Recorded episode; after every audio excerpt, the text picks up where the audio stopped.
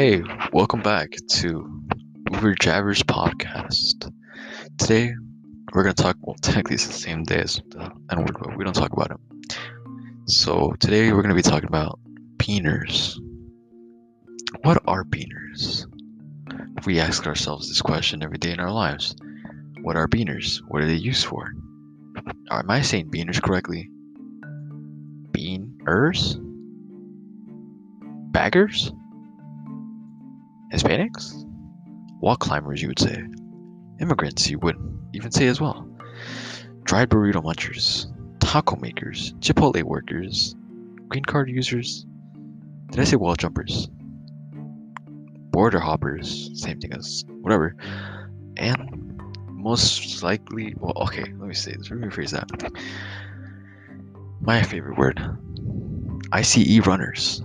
See, beaners, they're really quick. Not at most situations, but we're really good at climbing and running as long as we know that we're in a pack, you know? Ape stronger together. Ooh, ah, ah. Just like. Oh, I can't say that's racist. Oh my god. Now, continue on as I said.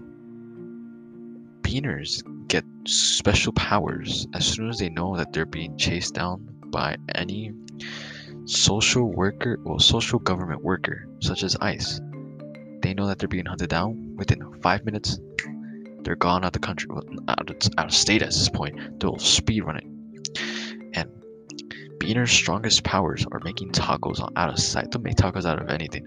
Like you just give them a piece of paper, they'll fold it up, dry it up, leave it outside. You know, they'll leave it out there for a bit. Probably season it a tiny bit, and when you take, it's gonna be crunchy when you take a bite. I don't know, I don't know how, but with their with their hands, it's godly. I don't know how I can even explain it myself. But really,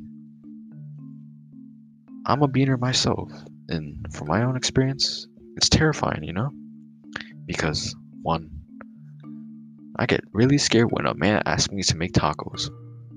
Because one thing, I'm not a professional taco maker, and you know how embarrassing it is to be a beaner and not make a taco out of thin air? My mom will be disappointed in me. But really, it's 11:35 p.m. I'm slowly losing my mentality, but here I am talking about beaners. See, when I grow up, I'm gonna go to Colombia and have my own bean farm. I'm gonna have my bean workers as well. They're gonna be in my farm picking beans. Like usual, they disobey, they're gonna get whipped. Duh. I need coffee beans. You know, Colombia is mostly known for coffee beans because up in the mountains there's high humidity and really great weather for coffee beans. Because last time I went there two years ago, there was these guys, white pants, white shirt, white hat, and they had swords. They were pretty cool, and they were mainly about coffee beans. Cause Colombia starts with a C, and want to know what starts with a C? Coffee beans. Want to know what has an O in it? Colombia. What has an O in coffee? I mean coffee beans you see the resemblance, right? Wait. Yeah, coffee beans. Now, this may all seem strange to you and all, but I have you know that coffee beans are literally made by Colombians, you know? They're the, like they were the main manufacturers long time ago. They still do it today with child labor. Coffee beans are the go-to right now and whenever you know? But I don't know where I'm going off with this. I feel like I'm ending it off here. Uh, thank you for listening about my small little talk about beaners. Uh, you already know, um, I have a catchphrase at the end, you know, ha ha ha, beaner, beaner, beaners, you know, beaners, beaners.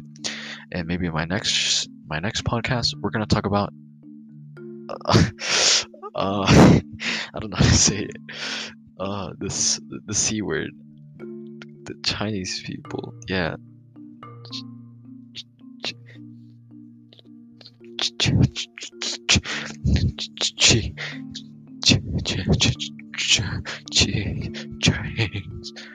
yeah, yeah. Thank you for listening. I hope you guys have a great day and have a wonderful life.